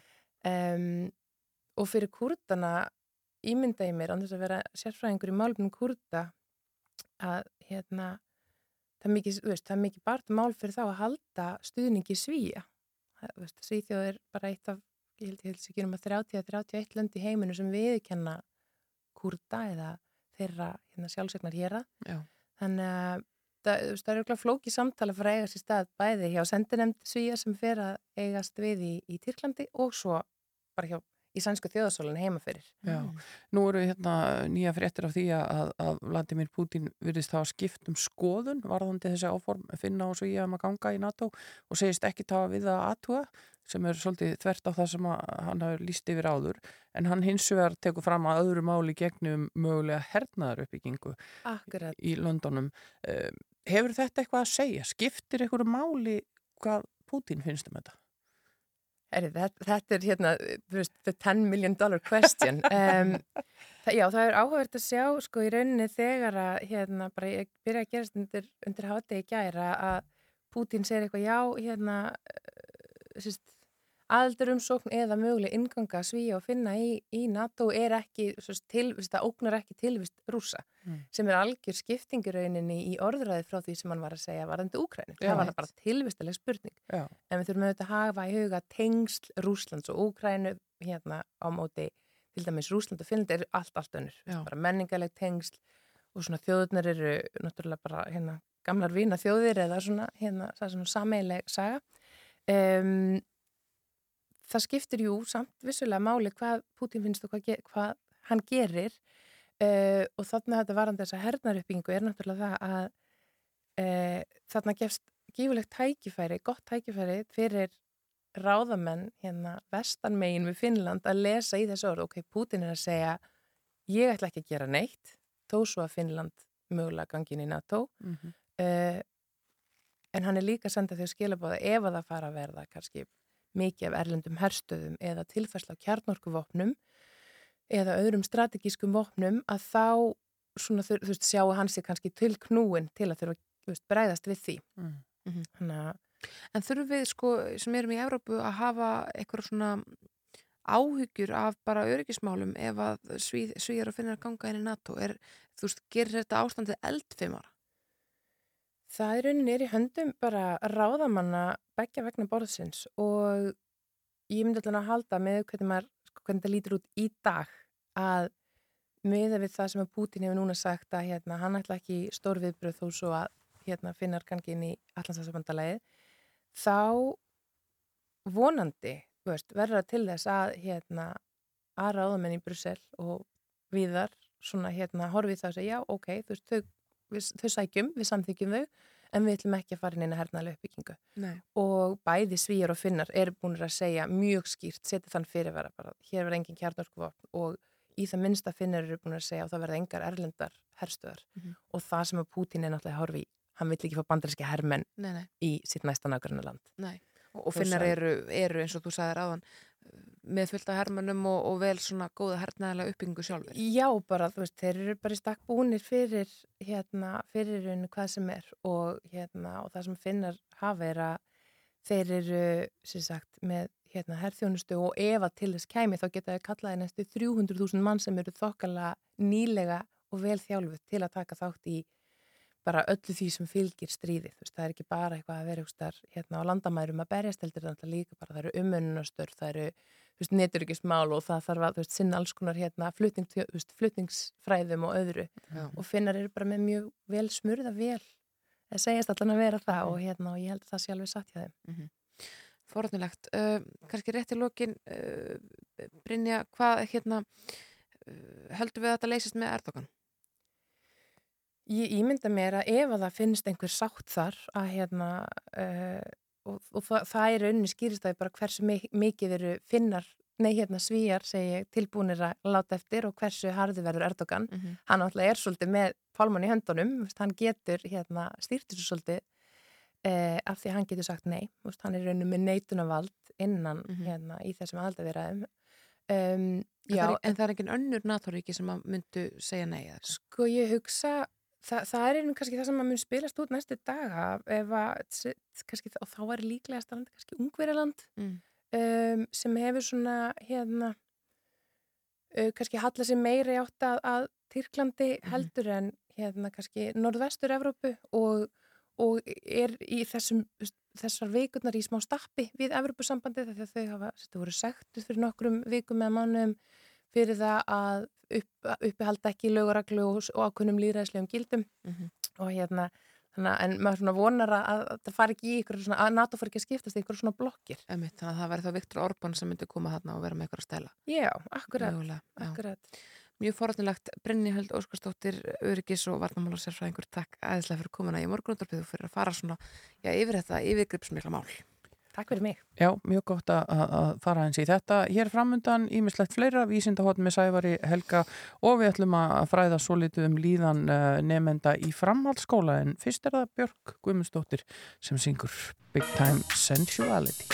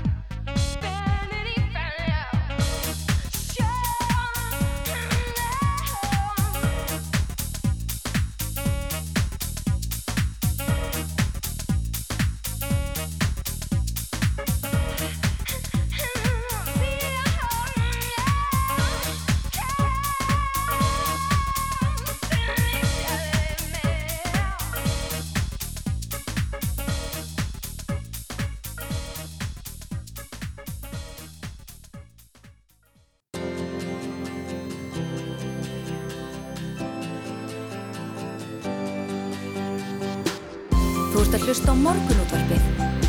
Á Rástvö. Jú, jú, þið þekkið þetta morgunútvarpi hér til klukkan nýju. Næst ætlum við að fjalla eins um líðan uh, og heilsu framhaldsskóla nema ungmenna í framhaldsskóla hér á landi en aðeins 35% stúlkna í framhaldsskóla hér á landi meta andlega heilsu sína góða. Þar veðrast ég að fram neyta aðeins meira áfengiseldur en drengirnir þó að það hefur vissulega dreigið mikið úr áfengisneislu undanvarin ár. Þetta eru niðurstöður nýra samantektar sem að rannsóknir og greining gerðu á líðan og heilsu framhaldsskólanema í sérstaklega í heimsfaldrunum. Hún er komininga til okkar Margaret Lilja Guðmundsdóttir, sérfræðingur, sérfræðingur hjá greiningafyrirtækinu og ætlar að segja ykkur frá helstu niðurstöðum þessar rannsóknar. Vertu velkomin Margaret. Takk hérlega. Sko, byrjum kannski bara á þessari áfengisneislu. Hún er dreigist saman mikið undanvarin ára, ekki satt? Jú, heildina litið að við skoðum aftur til ásins 2000 við höfum með gögnum framhalskólanema langt aftur. Þá höfum við séð að hlutfall þeirra framhalskólanema sem að kjósa drekka ekki áfengi hefur hækkað verulega. Já. Og við sáum klárlega að við mældum venjusangkvæmt í oktober 2020 og þá sáum við tölun að fara niður, þá eru skólanir að stórum hlutu bara lokaðir og svo hækkar það aftur en er á sama stað og var 2018. Þannig að eins og ég hef oft sagt um börnun okkar þá eru þið miklu móður og föðu betrungar. Það þykir ekkert tiltökum mála að kjósa þess að vera í framhalskóla af eins og nota výmaefni. Mm -hmm. Og nú eru 51% framhalskóla nema sem segjast aldrei hafa orðið ölfuð. Einmitt. Það er bara öðruvísin að það var. Auð, öðruvísi og þetta er, þetta er í raun og vera alveg stórkoslegt mm -hmm. og, og þetta er náttúrulega börn, við skulum ekki gleyma því. Mm -hmm. Framhalskólin er að langstæðstun hluta í dagskipa er bara börnum sem eru yngri en 18 ára. Já. Þannig að það er mjög mikilvægt að höfum það í hug. Mm.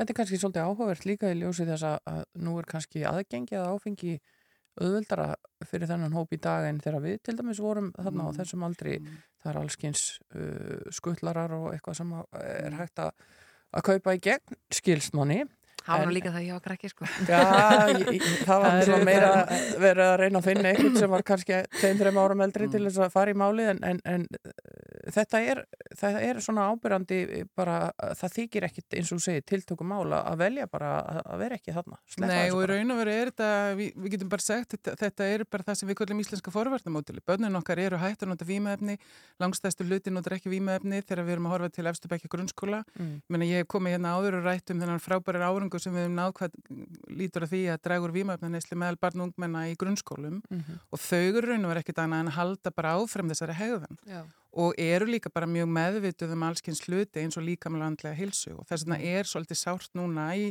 í heimsvaraldri og við erum kannski svolítið að reyna að verpa ljósi á með okkar ansóknum núna hvaða áhrif hefur COVID á krakkan okkar, börnin okkar, okkur. Já. ég held við getum ekkert sagt til um það í dag það mun taka lengri tíma við áttum okkur á því En við sáum það í tölunum okkar þegar við lögðum fyrir í oktober 2020 þegar skólanir er að staðistum hluti bara lokaðir já, já. að þá sáum við svona tölur sem að voru niðurlega sérlega í varðandi andlega líðan. Já. Þannig að okkur fannst mjög mikilvægt hjá rannsónum og greiningu að leggja afturkonunni fyrir í, í oktober 2021 til þess að fylgjast þá vel með þessum hóp. Og við sjáum alveg svo að vísa því hér í byrjuna að stelpur hafa verið og eru mun líklega til þess að meta andlega hilsu sína lagari samanbúrið við stráka. Það var veruleg dífa í oktober 2020 sem betur fer lækkuðu tölunar ekki ennfrekar en þar haldast í stað mm -hmm. og það er, ég menna á heildinalíti er þetta 46% framhaldsskólanema sem að meta einungis 46 sem meta andlega heilsu sína mjög góða eða góða. Mm. Já, sko það er náttúrulega 20% munur á mm. melli kynni. Við, höfum, við sjáum þetta og við sjáum þetta líka í grunnskólanum. Stelpur eru líklega til þess að meta andlega heilsu sína lagari sem búið við stráka og líka líkamlega heilsu. Já. Við sáum líka í, í þessu þá sáum við líka aukningu einmannaleik og það, það er svona þróun sem við verðum að sjá undan farin ára nemyndur sérlægi stelpur eru líklega til að meta eða upplefa einmannaleika. Það, það tók algjört stökk í oktober 2020 en sem betur fer sjáum við tölun að fara aftur núna Já. og við tengjum ímislegt við þetta Menna, við höfum verið að benda á svefnun 70% framhalskólanema ég endur tek 70% svo við lítið Já. Og við veitum núna bara út frá nýjastur ansóknum varandi svefnu, við erum nýbúin að hafa hérna rockstjórnuna, eina sanna Matthew Walker Why We Sleep var með aðstöfnu stóra í hörpu mm -hmm. og hann sínd okkur sem við vissum svo sem alveg fyrir, menn að það tengist svo margt svefninum, heilsa, andleg og líkamlega, þetta er bara mjög mikilvæg þáttur til þess að hlúa að. Þannig ef ég ætti að segja okkur hvað getur við gert til þess að, að hérna, bæta, bæta andlega heilsu og þá er ég ekki bara að tala um stelpunar en það er, myndi ég segja, fyrsta lagi að passa upp á svefnin Slökk, á internetinu klukkan 10 á kvöldi. Það, ég hef líka lagt það til og það er kannski ágætt þeir sem eru að mynda meira hluta núna getur kannski tekið sér til og tekið netið af bara í samfélaguna en, en ég held það, ég meina það. skjátíminn, svefnin, koffinið, nikotínið þetta er allt hlutir sem hafa áhrif á heilsokkar, áhrif á svefnin Mm. þannig að það er sóknarfæri. Það góða er að við höfum gögnum krakkan okkar. Mm. Við vitum núna hvernig þeim líður við sjáum líka kennarar og skólanir eru búin að gera frábæra hluti COVID Mhm. hugsaum okkur núna þeir sem eru að fara að útskrifast núna að lifta studentsúanum eftir örfá daga og vikur uh, þau hafa fengið eina önn ó-COVID skerta á, þessu þryggjára tímabili þannig við skulum líka klappa um að baki fyrir sko í raunum veru ótrúlega seglu að hafa komist í gegnum þetta. Já, já, og þetta er auðvitað uh, svona mikilvæg mótunar tími í líf okkar þessi ár, þessi framhaldsskóla ár og, og, og sárt að missa af alls konar uh, hefðum og uppákomum og, og hlutum. Fyrir utan það að það er auðvitað nýlega búið að stýtta framhaldsskólan neyri þrjú ár. Já. Þannig eins og segir, það er kannski ein, tvær annir sem að þú fengið að, að vera svona alveg í, í, í þessu öll saman. Mér finnst það mikilvægt og ég segja gætna við ungmenni sem talum að þau sé að missa af bestu árum æfisinnar að þetta er ekkit endilega bestu ár æfiðinnar þó að það sé sagt við þig. There is more to come fyrir ekki að í sletti. Þannig að, þau geta hugað sér við það. Það er hellingur af mjög skemmtilegum tíma framöndan en þetta hefur vissulega haft ári við, við merkjum það. En það góða við eins og ég segi við höfum gögnin og við getum þá unni með það. Já. Það hafa allir skóla núna fengið skýslu um niðurstöður nefnda með í, í, þeirra skóla þannig það má rýna og greina í þetta og bregðast á við þar sem að fólk sér að það loga rauð ljós. Já. En sko þessi einman, þessar einmannleika tölur eru ansi sjokkrandi ef við horfum bara aftur eh, svo í miðbróð frá sjálfur mér þegar ég er byrja í framhaldsskóla hérna 2007 þá eru 4% drengja og 7% stúlna sem að segjast oft upp, upplifa sig einmanna en þessar tölur eru sko að fara út í hæstu hæðir 2020 en, en eru árið 2021 í 17% stúlna og 10% drengja þú veist þetta er markvöldum frá því sem að Já, þetta er var. það eins og ég sagði þá höfum verið að sjá þess að þróun yfir tími, við sjáum þetta líka í grunnskólanum Já. og ef við keirum saman og skoðum til dæmis þessu skjáttíma að þá eru þeir einstaklinga sem að verja miklum tíma á samfélagsmiðlum sérlagi, þeir eru mun líklegri til þess að upplifa einmannleika samanbúra við þá sem að verja minni eða einhvern tíma. Já. Þannig að- við vitum að það eru alls konar hlutir, tæknin er stórkostlega, ég menna neti, guð mig góður ef það hefði ekki verið net hér í COVID, en, en aftur á móti þurfum við foreldrar að vera með einhvers konar, við þurfum að hafa einhver takmörk. Mm. og við sjáum að þessi, þessi neysla á neti eða samfélagsmiðlum YouTube og TikTok þar sem hvert myndbandið er að fætur öðru rennur fyrir fram að þig, það er ekki að vinna góða. Nei. Það er þá miklu skára þegar þú ert í einhvers konar samskiptum eða já, einhvers svona uppgilegu nota netið í slíkt. Mhm. Þannig að þetta er, og þetta er ekki bara það sem við sjáum með albarn og ungmenna, þetta er raun og veru tölur sem að sjást víða um heim. Fólk er að upplifa meiri einmannleika með alla þessa tekni og alla þessa möguleika til þess að vera í samskiptum. Mm. Þannig það er kannski líka spurning og mér finnst það mikilvægt að foreldrar þá áttu sig á því að börnin þeirra sem er að klára framhaldsskóla núna eða er að ljúka námsárinu að þau eru að upplifa á margan hátt, kannski lagari andlega og líkamlega hilsu, að við tölum um það Mm. að við ræðum þessu hluti vegna þess að það er ekkert óeðilegt að upplifa heimsfaraldur á eigin skinni. Ég held að við séum öll svolítið þreytt. Ég held að sumarfríið sem er framundan hjá okkur, það er mikið lagt á það. Það á að vera Já. besta sumarfa- sumarfrí í, í, Sögunar. Já, í sögunar. Þannig ég held að það sé mjög mikilvægt að við ræðum þessa hluti. Það Mm. er ekkert óeðilegt að lí- líða illa þegar hlutinir eru öðruvísi en þeir eru vanir að vera. Já. Hvenar munið þið taka stöðuna næst? Svona er ekki markmið að fylgjast með þessu áfram? Jú, vonandi gerum við það bara strax næsta haust og það er mjög mikilvægt eins og ég segi það að hafa gögnin að geta rýnt í þau. Öðruvísi getum við ekkert sagt til um hvernig staðan er, öðruvísi heldur við bara að nota tilfinninguna. Mhm. Við erum náttúrulega stöðut og við erum með nýja konun í, í efstabækjum grunnskóla, ég kem bara hérna aftur fljótlega og ræði Já. hana við ykkur. Þannig við erum stöðut við hjá rannsónum og greiningu að, að leggja fyrir og, og það er raun og veru full vinna núna bara að kynna þessa niðurstöður vegna þess að það er eitt að safna gögnum og svo er mjög mikilvægt að við séum að fara í skóla, hitta fóreldrahópana, fólki sem er í sveitastjórnunum til þess að ræða og, og, og hvað má, vin, hvernig má vinna með þetta. Einmitt, bestamál, Margrét Lilja Guðmustóttir sérfræðingur hjá greiningafyrirtækinu Rannsóknir og Greining. Takk kærlega fyrir komuna í morgunútarpið. Takk fyrir mig.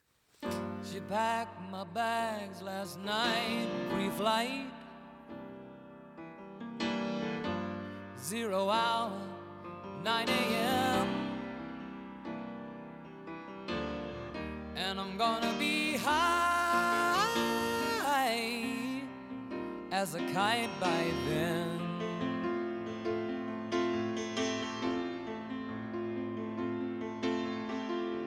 I miss the earth so much. I miss my wife.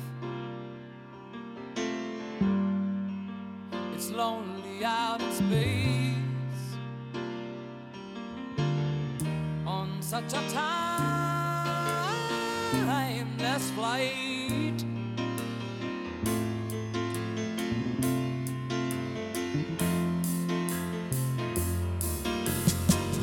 And I think it's gonna be a long, long time till touchdown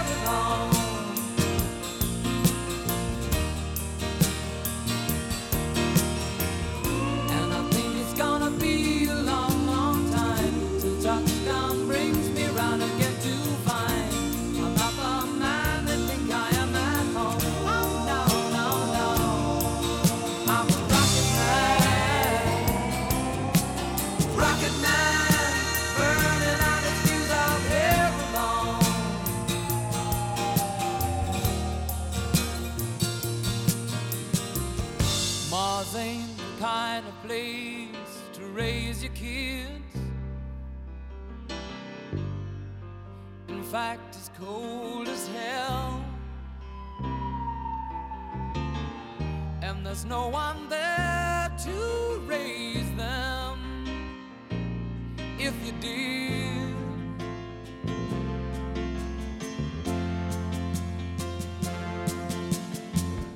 and all the science I don't understand. It's just my job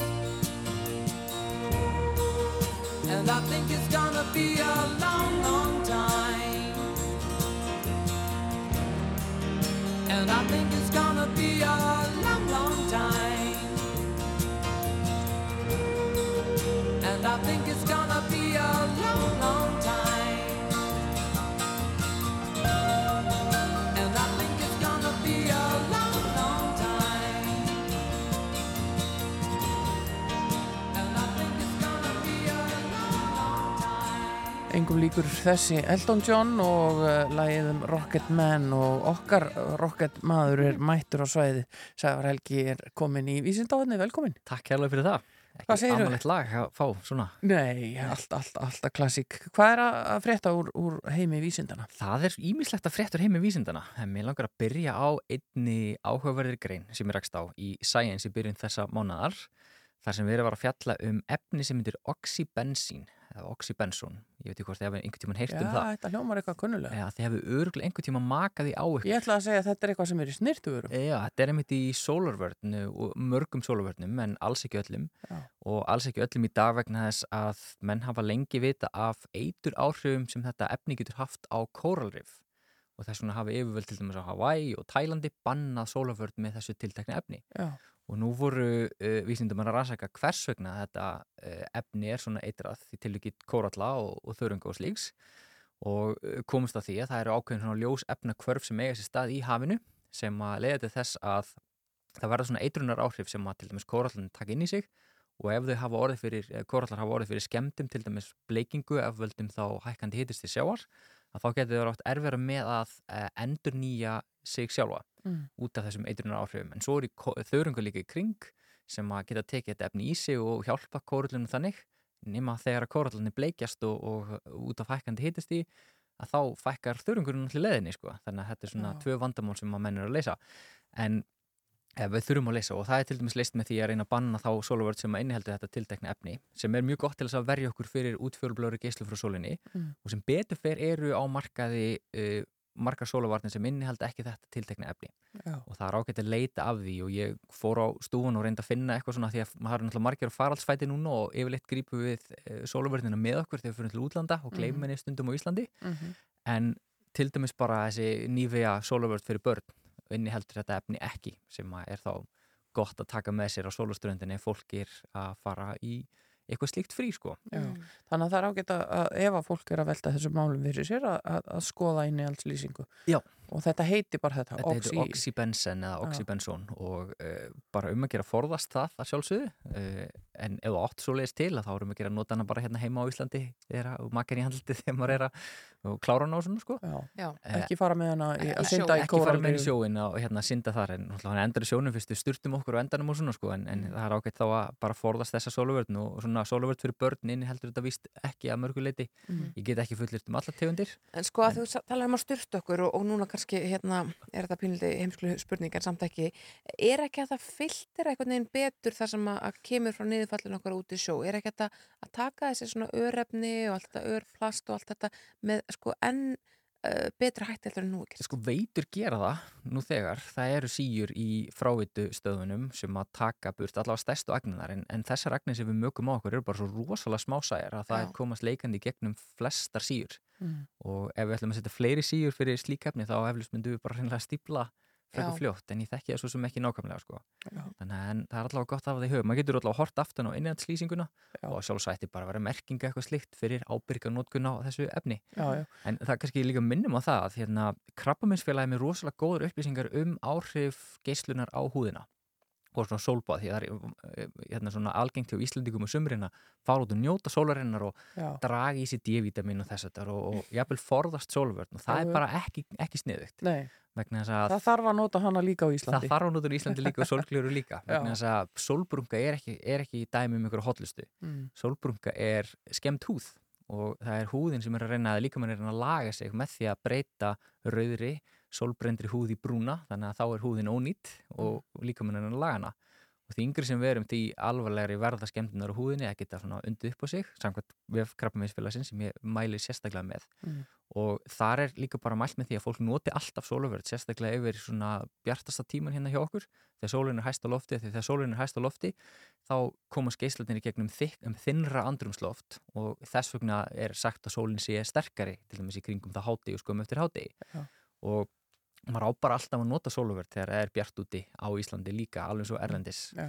og forðast sólböð þótt að það sé, margir sér lítið það sem dæmi um einhvers konar hotlistu ef þú ert úti bara í tímundu kortir á dag og þá myndast nægilega mikið D-vitamin í húðinni til þess að þú þurfur ekki að hafa ágjör af D-vitamin skorti Já, það ert ekki að vera eins og hérna, hvað hétt hún í Something About Mary? Magda? Já, sem að akkurat, akkurat, hún var bara fertug sko. Já, eins og 80 leður 80 hanski framan. Já, akkurat, en það er það sem gerist. Húðin Já. þyknar og hún verður svona eh, svolítið teginlegri þannig að við fáum frekar hrukkur og, Já. og slíkt. Þetta flýtir fyrir öldrun húðurina sem að ég er ekki viss um að margir vilja endilega Nei. að verði Nei, nei, og bara þetta henda sér þá í brunkukremi ef mann langar að vera brunk já, algjörlega, sko, algjörlega og forðast náttúrulega þessa sólarbekki sem að eh, fólk er að ofta, Mhm. ofta nota en hérna, það er önnur saga en mér langar líka að minnast á uh, sögulega ljósmynd sem var tekin uh, núna um daginn, Já. eða reyndar ekki um daginn fyrir alveg fimm árum síðan Já.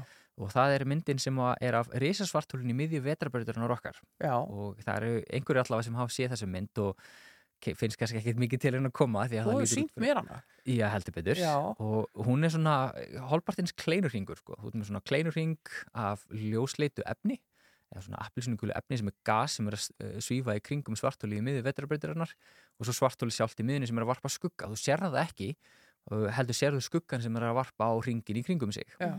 Og það er ekkert smá afrek að taka svona mynd vegna þess að jörðin og það er bara ekki til nógu stóri sjóningur á jörðinni til að ná nælar upplöst. Þetta er nefnilega svipað eins og taka mynd af ef þú heldur út í útréttri hendi. Einu atómi sem er afskapla, afskapla smátt. Mm.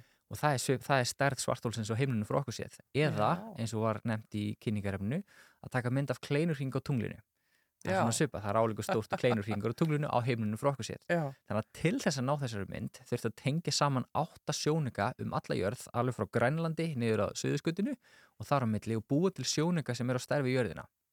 Og svo þarf að samþætta allar þessar mælingar og það er svo, það er svo mikið gagnamagn að það er ekkert að flytja upplýsingarnir í gegnum internetið heldur þarf að setja þær á diska, harðadiska og flytja þá í ofurtölvu í Þýskalandi sem sé síðan um að vinna úr gögnunum og þá fáum við þessa drögu upp þessa ljósmynd af, af, af risasvartölunni og þetta er söguleg ljósmynd af því þetta er náttúrulega fyrsta skipti sem við komum auga á þennan risa sem lúrir í miðju vetrarbreytarinnar og hverju skipti það? Jú, í fyrsta lagi myndin bara merkileg fyrir það að okkur hafi tekist að taka hana Mhm. og í öðru lagi þá hafa reysasvartul haft áhrif á þróun vetrarbreytarinnar sem við búum í og þar alveg þróun eða það- þess að við erum hreinlega til yfir höfuð. Þannig að allt hefur þetta haft áhrif á umhverfið í kringum okkur Já. Og er þess vegna, já, eins og segja, söguleg ljósmynd og hérna Þetta er ekki alveg eins og að rífa upp síman og smetla Nei, þetta er ekki alveg, alveg það sko, það þarf aðeins meira til og 300 vísindamenn í 80 stofnunni sem koma að þessu þannig að það er, það var mikil gleði þegar loksis loksis var hægt að ná þessari glæsulegu mynd Já. sem er eins og segi, söguleg Já. Og Og er ekki hægt að sjá þetta á netinu? Jú, Jú, bara, jú, bara hérna fyrsta myndin af svartólu utan í veturbreytun okkar sko. þannig að þá, þá er hún, hún var rattað inn á vef Rúf og fleiri fjölmila Mhm. þannig ég hveti allir til að horfa hana og, og uh, hafa það líka í huga að við getum aldrei sogast ofan í það það er bara miskilningur að svartól séu róleg. reyksugur sko. Þannig að til dæmis ef sólinn myndi breytast í svartól Já. Þá myndi ekki gerast neitt hjá okkur, ekki nema bara að það myndi slokna ljósið En sko, að því að, að fara yfir að hvað var erfitt að ná mynd af þessu, ef við værum nálagt í, Já. myndu við sjá það? Eh, Þú myndir sjá umhverfið sjálft, ekki svartóli sjálft, þú myndir sjá sérst, eh, svona kleinurhinga vefni í kringum eitthvað ósýnilegt Já.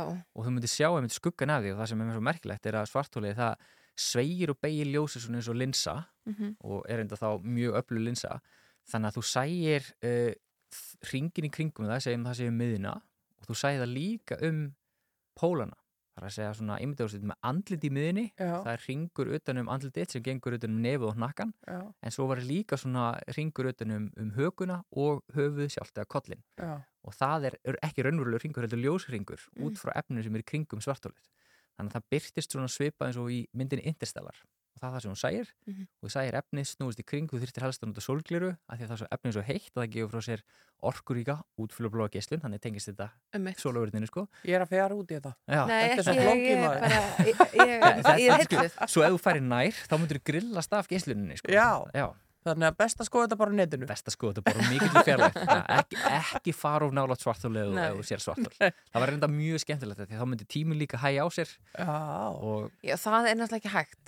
jú það er hægt Nei, já,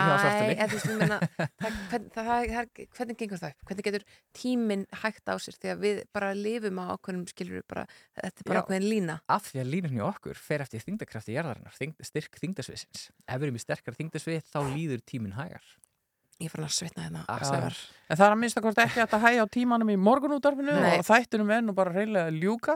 Við ætlum að enda á Jóa Pjó Króla með lægið sitt í átta tunglinu að því við vorum að spjalla hérna við Sævar og tungli kemur nú eftir sögu og núna nýlega, er það ekki? jú, heldur betur, það var myrkvi bara í fyrradag tungmirkvi, má ég skuta í lögin ég langar nefnilega að bjóða öllum áhagasumum í náttúrugöngu um Elliðárdal næstu sunnudag klukkan 1 hittast í Elliðárdals rafstuðinni Já skoða náttúruna undir Takk fyrir okkur í dag.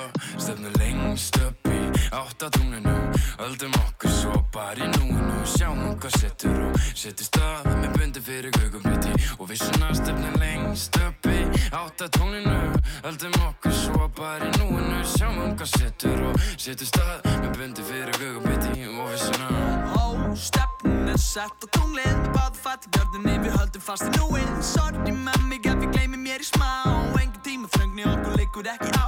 Baby, treystu mér Ekki horfa niður, nei, freka fylgdu mér. Þetta er lett og leikur svífandi Við verðum bæði tófin, já, við dansum fast í takt En þó við kunnum ekki sportin, hey Já, ég veit að ég hljóma crazy En viltu koma með mér, baby? Sjarminn þinn hreinlega greið mig. Oh baby, ey, já Ég veit að ég hljóma crazy En viltu koma með mér, maybe Sjarminn þinn hreinlega greip mig Oh, baby. Stöndum lengst upp í áttatunglinu Öldum okkur svo bara í núinu. Sjáum hvað setur og setur stað Með bundi fyrir gaugumbiti Og við svona stefnum lengst upp í áttatunglinu Öldum okkur svo bara í núinu. Sjáum hvað setur og setur stað Með bundi fyrir gaugumbiti Og við svona Haltu fast í hönd mína Og ekki sleppa Svo hátt á döpi Finnst ég vera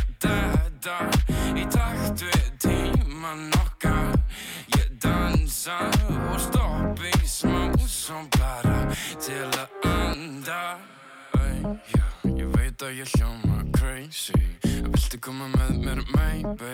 Sjálfmið þér einleika greip mig. Oh baby, æ, já Ég veit að ég hljóma crazy.